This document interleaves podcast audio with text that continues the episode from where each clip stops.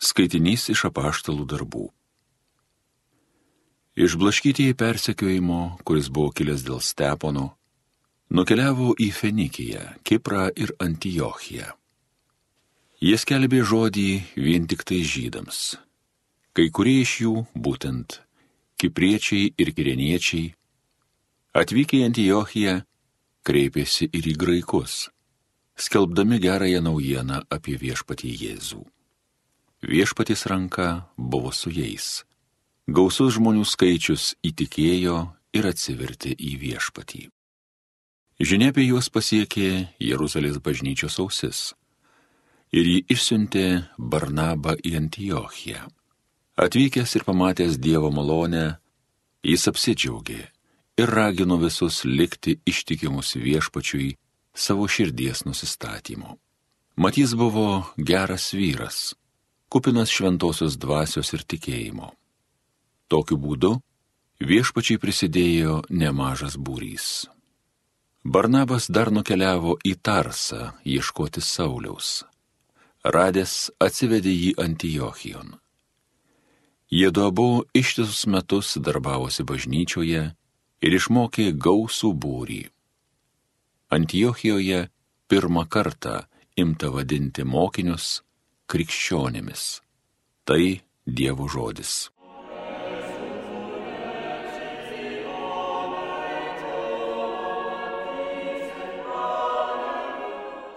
Garbinkit viešpatį visos tautos.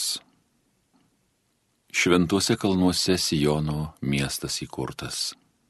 Viešpats jį labiausiai brangina iš visų Jokūbų žemės vietovių skelbiami garbingi dalykai apie tave, Dievo mieste. Garbinkit viešpatį visos tautos. Rahabą Babelį garbintojai savo laikysiu. Štai Filistėjos ir Tyro taipogi Etijopijos žmonės, ir jie bus laikomi kaip čia gimę. Ir kalbės apie Sijono kalną. Motin, Jam yra čia gimiai visi aliai vieno, jį pats aukščiausiasis laiko. Garbinkit viešpatį visos tautos.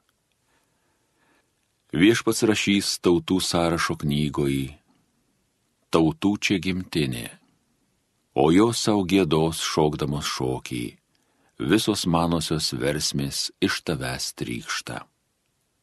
Garbinkit viešpatį, visos tautos.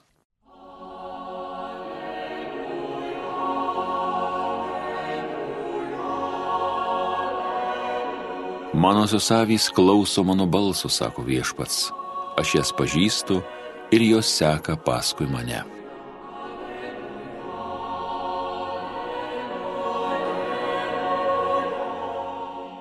Pasiklausykime Šventojios Evangelijos pagal Joną.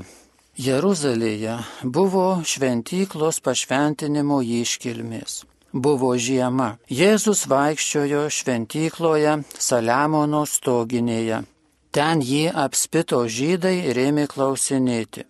Kaip ilgai laikysi mus abejonėse? Jeigu esi mesijas, pasakyk mums atvirai. Jėzus jiems atsakė, aš jums pasakiau, tik jūs netikite. Mano darbai, kuriuos aš darau savo tėvo vardu, liudyja apie mane, bet jūs netikite, nes jūs nemanosios avys. Manosios avys klauso mano balso.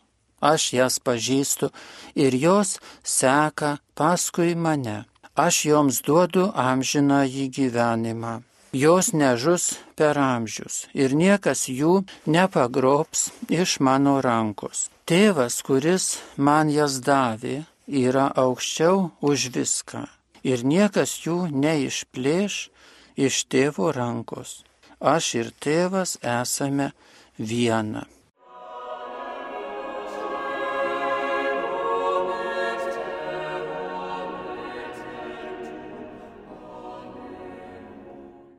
Tas įvaizdis, kad mes esame avys.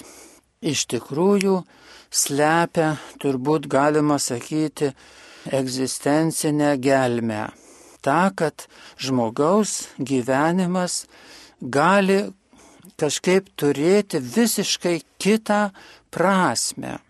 Galima o taip gyventi paprastai, lyg būtiškai, gal ir religinį tą gyvenimo aspektą kažkaip lyg prikabinti prie viso gyvenimo, bet iš tikrųjų galima, ką tai reiškia būti, būti avimi, tai kada gyveni gyvenimą, kuris, kaip Jėzus sako, duoda amžiną į gyvenimą tie žodžiai duoda amžinai gyvenimą, reiktų gal mums suprast, kad duoda gyv... šiam gyvenimui dabar kokybę, duoda kokybę mums. Dėl to, kad tas avių įvaizdis, jisai reiškia, kad mes kaip tai imame visiškai kitą tikslą arba, sakytume, paliekame tuos žmogiškus, žemiškus tik tai tikslus, bet imam tokį dievišką tikslą pasirenkame. Ir jis mums vyrauja mūsų mintyse, mūsų siekiuose, mūsų profesiniam darbe ir visam gyvenimui duoda kitą spalvą. Ir dar Jėzus sako, tos avys klauso mano balso ir įsiklausyti į jo balsą.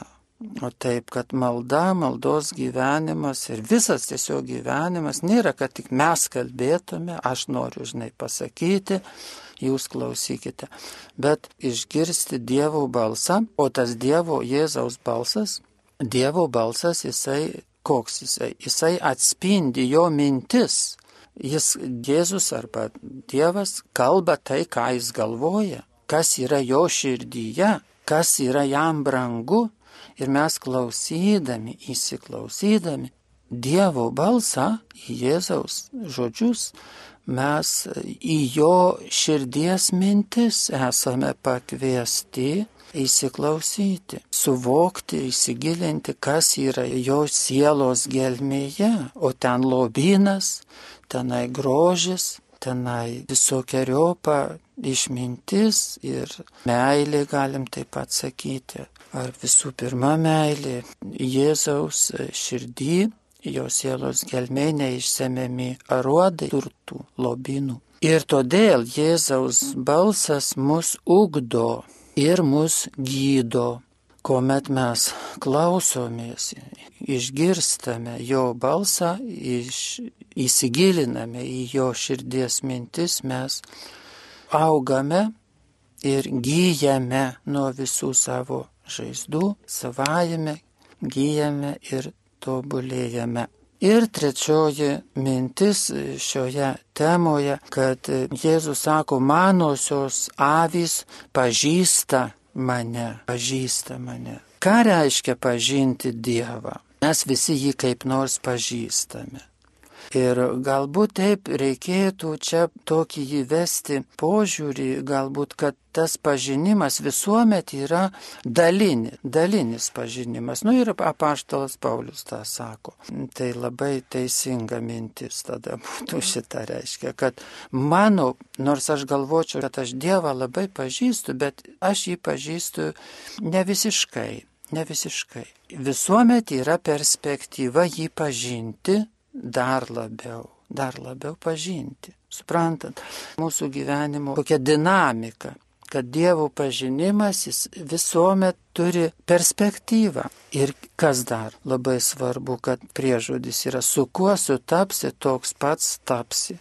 Ir jis labai tinka, kuomet mes mastome religinę gyvenimo temą, religinį mūsų gyvenimo kelią. Ir bendrai žmogišką gyvenimą. Pažindami Dievą, reiškia, jeigu mes jį tikrai pažįstame, tas pažinimas mus keičia.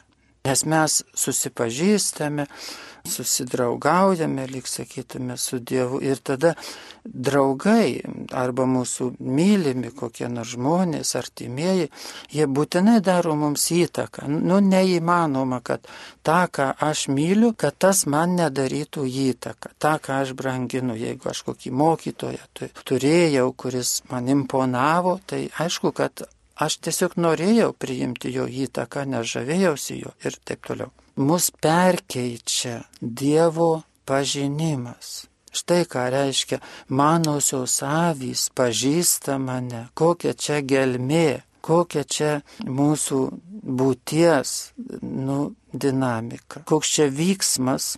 Ir aišku, kad tas perkeitimas, jisai atitinka mūsų pažinimą. Jeigu mūsų Dievo pažinimas toks, nu toks knyginis pavyzdžiui, katekizminis, toksai, kad Dievas trijuose asmenyse, kad Jėzus Dievo sūnus, taip, o paskaitėm ir sakom, nu tai tas pažinimas gali mažai mus be abejo labai keisti. Bet jeigu mes einame Dievo pažinimo keliu, tą pažinimą plėtojame, užmeskame artimesnį ryšį, duodame daugiau vietos Dievui, jį statome į pirmą vietą, laikome jį svarbiausiu savo gyvenime, tai tada tas Dievo pažinimas, jisai įgyja daugiau jėgos mūsų gyvenime, jisai mus labiau keičia.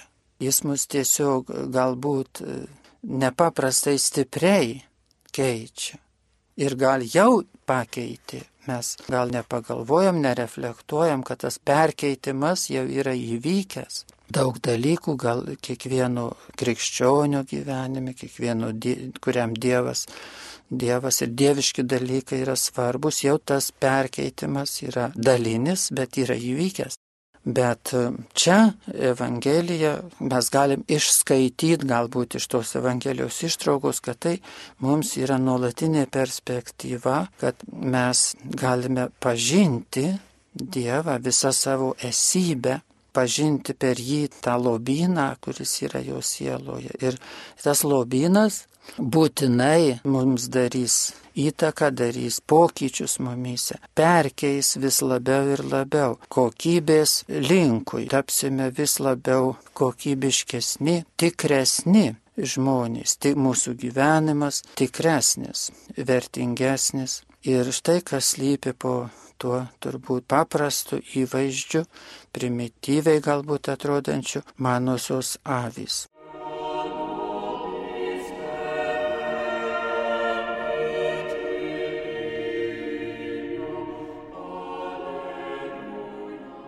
Homilija sakė profesorius, habilituotas teologijos mokslų daktaras, kunigas Romualdas Dulskis.